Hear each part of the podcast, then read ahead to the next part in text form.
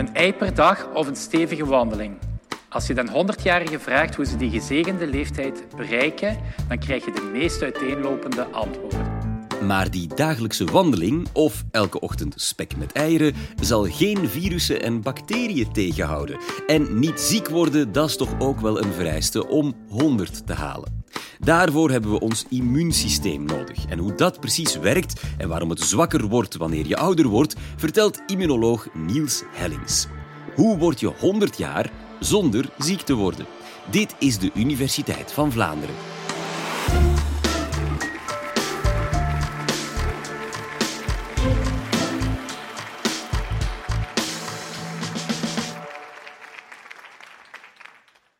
Als vroeger iemand 100 jaar werd, dan was het feest in het dorp. Dan kwam de burgemeester langs met de taart om de eeuweling spontaan eventjes te feliciteren. En op de achtergrond hoorde je al de fanfare en daar waren ook de televisiecamera's.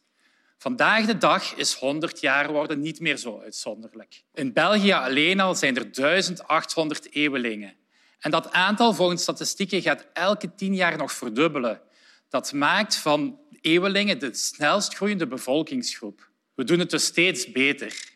Alleen is ouder worden alleen maar interessant als je ook lang gezond kan blijven. En daar knelt het schoentje een beetje.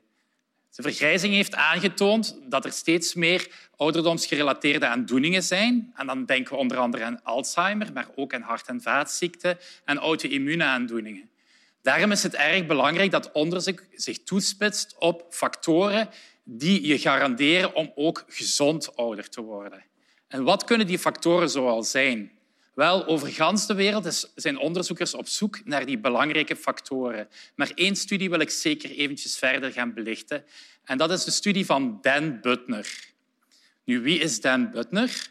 Wel, Dan Butner is een Amerikaans onderzoeksjournalist en ook intussen schrijver van heel wat bestsellers. En Dan Butner die heeft gewerkt samen met National Geographic en hij ontdekte vijf plaatsen in de wereld waar er een record aantal eeuwelingen woonden. En die plaatsen die noemde hij de Blue Zones.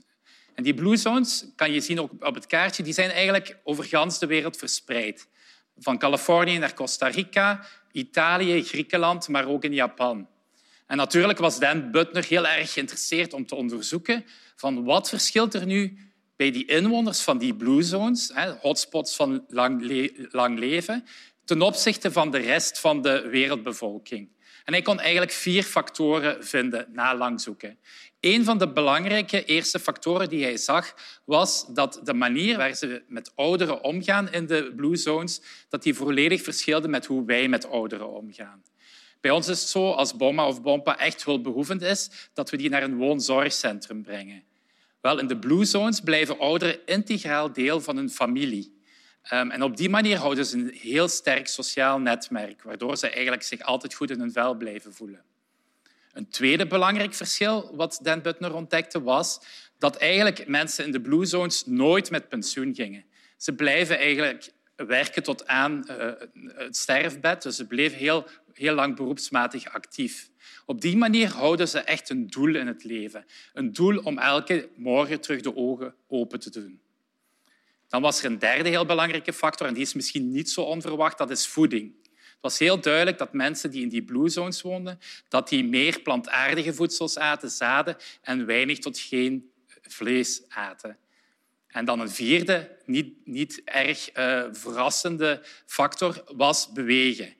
En bewegen, dan bedoelen we vooral actief bewegen. Het was eigenlijk duidelijk dat mensen in die blue zones veel meer dagelijks bewogen dan mensen die in de stad of zo woonden. En dat deden ze door onder andere te voet naar het werk te gaan en door de trap te nemen in plaats van de lift. Dus het is heel duidelijk dat levensstijl heel bepalend is om gezond ouder te worden. Misschien ook niet zo verrassend.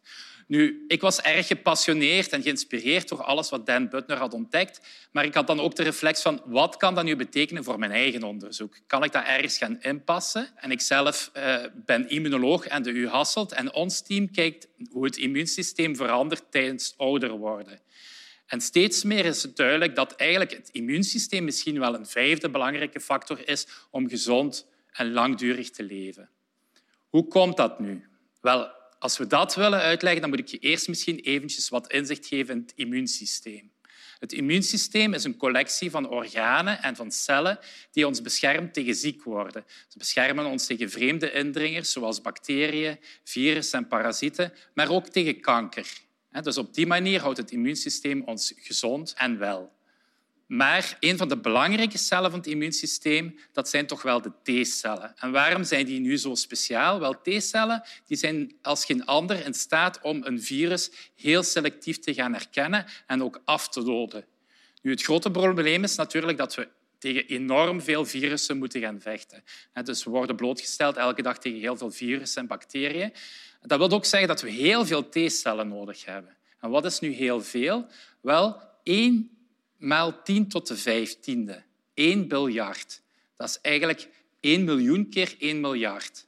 Dat is gigantisch veel. En dat heeft te maken met het feit dat die T-cellen heel specifiek maar bepaalde micro-organismen kunnen herkennen. Dan is natuurlijk de volgende logische vraag, waar komen in godsnaam al die T-cellen vandaan?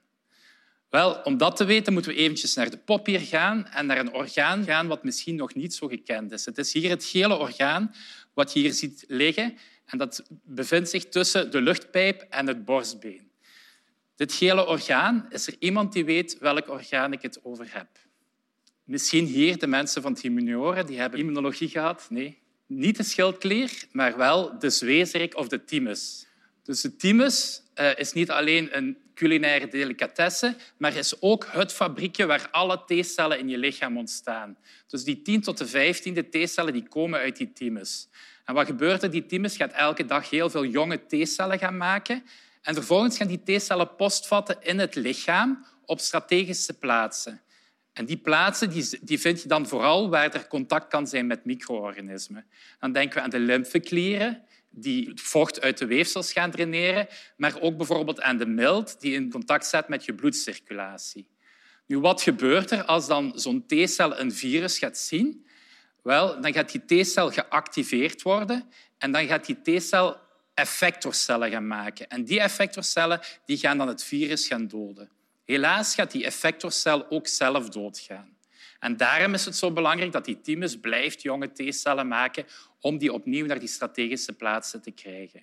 Goed, dus dat is de uitleg over het immuunsysteem. Maar dan is er in één keer een probleem. Want uh, die thymus die gaat eigenlijk al vanaf je puberteit beginnen te krimpen en vervetten. Dus je wordt steeds kleiner, er gaat steeds meer vet zijn. Je ziet dat ook mooi op die grafiek. En wat je eigenlijk kan zien, bij een leeftijd van 30 jaar is je thymus al volledig vervet en heb je bijna geen functioneel weefsel meer. Dat wil ook zeggen dat de productie van die jonge T-cellen volledig gaat stilvallen op termijn. Hoe ouder je wordt, hoe minder jonge T-cellen dat je gaat maken. Wilt dat dan zeggen dat je op je dertigste jaar al ten dode bent opgeschreven? Gelukkig niet. Want wat gebeurt er tijdens die eerste 30 levensjaren? Je wordt blootgesteld aan al die micro-organismen waar ik het over heb gehad. En je gaat behalve T-effectorcellen ook T-geheugencellen maken. En die geheugen T-cellen die kunnen wel heel lang blijven leven, 10 tot 15 jaar. Dus op die manier gaan die geheugen T-cellen compenseren voor het afname van de jonge T-cellen.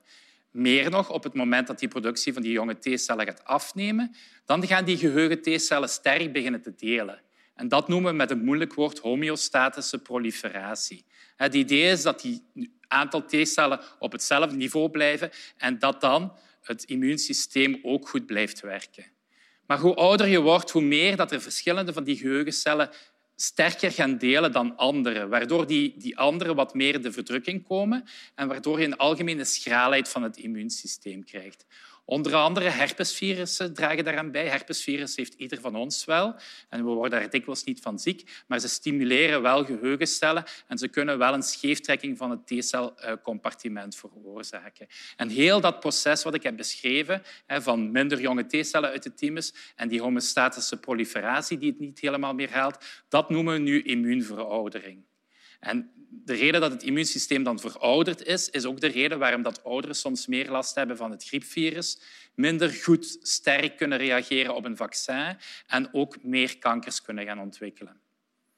De volgende vraag is dan logisch. Kunnen we iets doen aan die immuunveroudering? En daar moet ik eigenlijk eerlijk in zijn. Het immuunveroudering treedt op in ieder van ons. Wat wel zo is, is dat de snelheid waarmee dat gebeurt, dat dat wel verschilt van persoon tot persoon. Zo hebben wij onder andere aangetoond dat vervroegde immuunveroudering optreedt bij mensen met chronische aandoeningen zoals reuma en multiple sclerose. Daarom is het heel erg belangrijk dat het immuunsysteem zo lang mogelijk actief en jong kan blijven. Hoe kunnen we dat nu aanpakken? Wel, één ding waar we niks aan kunnen veranderen, dat zijn natuurlijk onze genen.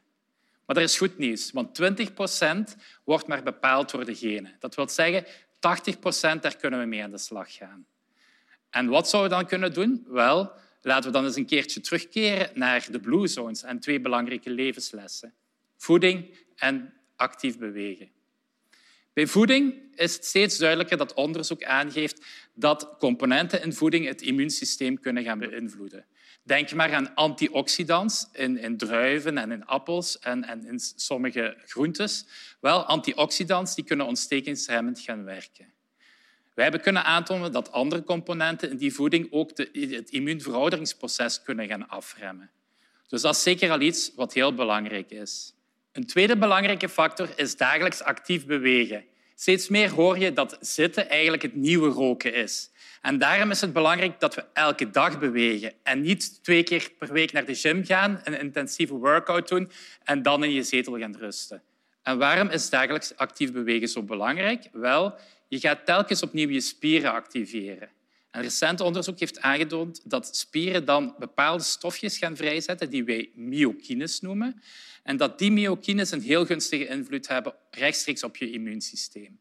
Ze gaan die productie van die jonge T-cellen in de thymus zo lang mogelijk hoog houden, maar ze gaan ook die geheugencellen ondersteunen om langer te overleven. En op die manier ga je je immuunrespons uh, goed blijven lopen. Dat wil dus ook zeggen dat ouderen die bedlegerig zijn, eh, die niet actief zijn, dat die veel minder van die myokines vrijzetten. En in een onderzoek wat we nu aan het uitvoeren zijn, zijn we op zoek naar manieren waarbij we ook ouderen nog dagelijks activiteiten laten doen die voldoende zijn om hun spieren te activeren en dan ook die myokines terug vrij te zetten.